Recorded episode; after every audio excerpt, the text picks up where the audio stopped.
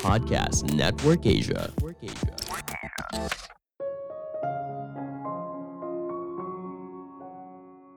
Keajaiban akan muncul ketika memulai hari dengan mengerjakan satu hal yang penting. Halo semuanya, nama saya Michael. Selamat datang di podcast saya, Sikutu Buku.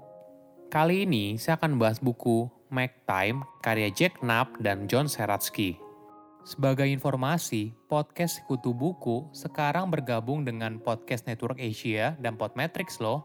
Sebelum kita mulai, buat kalian yang mau support podcast ini agar terus berkarya, caranya gampang banget. Kalian cukup klik follow. Dukungan kalian membantu banget supaya kita bisa rutin posting dan bersama-sama belajar di podcast ini. Buku ini membahas bagaimana cara fokus pada hal yang penting. Setiap harinya, kita sering kali terjebak entah karena pekerjaan yang seakan tiada habisnya atau main media sosial hingga berjam-jam. Jack dan John memandang hal tersebut sebagai kesibukan dan pengalihan. Bagaimana bila kamu mundur selangkah dan mulai mengambil alih hidup dan waktu yang kamu miliki? Ini adalah ide yang ditawarkan oleh Jack dan John. Mereka akan membagikan sebuah pola pikir untuk mengatur ulang hidupmu dan fokus pada hal yang penting. Saya merangkumnya menjadi tiga hal penting dari buku ini. Pertama, hidup penuh kesibukan. Kamu pernah ngerasa nggak kalau 24 jam sehari itu nggak cukup? Hal ini mungkin terjadi karena terlalu banyak yang kamu kerjakan dalam sehari, terlalu banyak email yang harus dibalas, terlalu banyak meeting yang harus dihadiri, atau terlalu banyak menghabiskan waktu di media sosial. Situasi ini dialami oleh banyak orang. Kita sibuk melakukan apa yang orang lain minta atau lakukan. Kita berusaha untuk menjadi responsif dan menerima semua undangan meeting. Padahal, belum tentu kita punya kontribusi signifikan di sana. Lama-kelamaan, hal ini menjadi hal yang normal dan semua orang menganggap hal ini sebuah keharusan. Tenang saja, kamu tidak perlu begitu kok. Hidup kamu tidak perlu ditentukan oleh orang lain. Kamu bisa mengambil alih hidupmu. Jika kamu fokus pada prioritas, maka kamu pasti ingin lebih banyak waktu sendiri. Waktu yang tidak terganggu oleh orang lain agar kamu bisa fokus, berpikir, dan menyelesaikan pekerjaan. Ada dua hal yang buat kamu sibuk.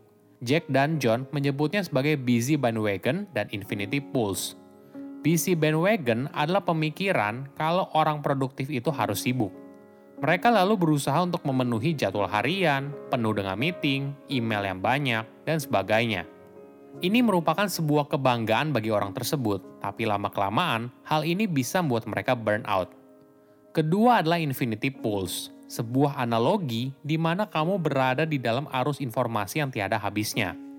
Kamu pasti sudah familiar dengan infinity pools, misalnya media sosial, layanan streaming, portal berita, dan sebagainya. Boleh dibilang, kamu ibaratnya sedang membuang waktu.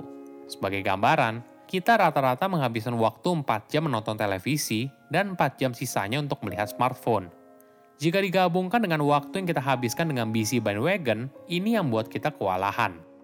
Hidup kita seharusnya tidak perlu mengikuti apa yang mayoritas orang lakukan. Misalnya seperti ini, kenapa meeting harus 30 menit atau satu jam? Kenapa kita harus segera membalas ketika ada pesan yang masuk? Ini adalah standar yang biasanya ada di masyarakat. Walaupun kita tidak bisa mengubah jadwal harian, kita bisa memilih untuk fokus di mana.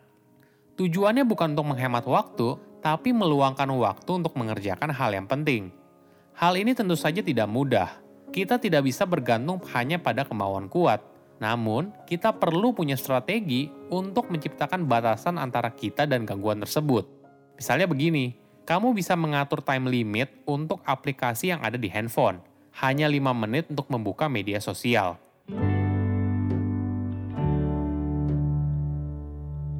Kedua, membuat prioritas hidup. Banyak orang terjebak ingin menyelesaikan banyak hal dalam sehari – Bagaimana bila kamu coba untuk fokus pada satu hal saja? Satu tujuan itu merupakan kombinasi antara jangka pendek dan jangka panjang. Sebuah tujuan yang bisa kamu selesaikan dalam satu hari, namun juga merupakan bagian penting dalam jangka panjang. Jack dan John menyebut hal ini sebagai highlight. Sederhananya, sebuah highlight berisi tiga bagian, entah itu penting, bermakna, atau menyenangkan. Pertama, tanyakan ke dirimu sendiri, tugas apa yang paling penting dan harus dikerjakan saat ini juga.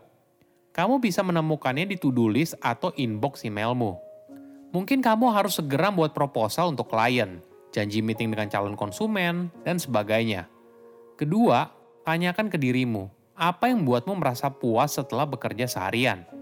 Hal ini berisi kegiatan yang ingin kamu kerjakan, namun selalu kamu tunda karena tidak mendesak. Kepuasan ini biasanya berasal dari tugas yang ingin kamu selesaikan. Ada beberapa cara untuk menemukan highlightmu. Pertama, prioritize your life. Apa tujuan hidupmu? Buatlah daftar hal penting dalam hidup. Pikirkan tentang hal tersebut dan fokus pada tugas penting yang akan membantu kamu untuk terus maju. Kedua, write it down. Mulailah menulis tugas apa yang ingin kamu kerjakan hari ini. Jika sudah, kegiatan ini akan meningkatkan kemungkinan kita untuk menyelesaikannya. Kamu juga bisa minta bantuan orang terdekatmu untuk mengingatkan kamu soal tugas hari ini. Hal ini bisa membuat kamu jadi lebih bertanggung jawab. Ketiga, groundhog it. Apa jadinya bila kamu tidak tahu harus apa? Coba lihat pekerjaan yang kamu lakukan kemarin, ulangi lagi, dan lanjutkan bagian tersebut apabila belum selesai. Keempat, design your day. Kamu perlu membuat jadwal yang jelas kapan kamu mengerjakan hal tersebut. Hal ini akan mendorong kamu untuk mengalokasikan waktu khusus dan tidak menunda pekerjaan terus-menerus. Kelima, bulldoze your calendar and say no. Pada kenyataannya, apa yang kita rencanakan tidak selalu mulus dan berjalan baik. Misalnya, kita punya rencana untuk mengerjakan presentasi penting untuk klien, tapi kamu malah banyak menghabiskan waktu membalas email, ngobrol dengan rekan kerja, atau bahkan diajak ikut meeting yang tidak penting. Kamu harus belajar untuk bilang tidak dan atur ulang kalendermu.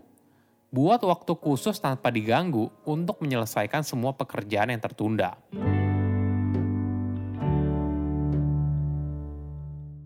Ketiga, belajar fokus. Pasti kamu penasaran, kok bisa ya ada orang bisa fokus dan mencapai hal besar dalam hidupnya? Apakah karena orang tersebut punya motivasi yang kuat? Ternyata tidak. Mereka punya cara untuk meminimalisir gangguan dalam hidupnya sehingga membantu mereka mencapai hal besar dalam hidup. Kamu pun bisa memulainya dengan menghilangkan gangguan. Mungkin di era sekarang, handphone yang fungsinya membantu kita dalam bekerja malah menjadi gangguan terbesar apabila kita tidak bijak menggunakannya. Coba mulai lihat aplikasi yang ada di smartphonemu. Hapus semua game, media sosial, atau aplikasi baca berita yang termasuk dalam Infinity Pools. Atau kalau menurutmu hal ini terlalu ekstrim, mulailah dengan mematikan notifikasinya. Notifikasi kecil itu tentunya sangat mengganggu dan membuatmu jadi ingin membukanya, karena memang fungsinya seperti itu.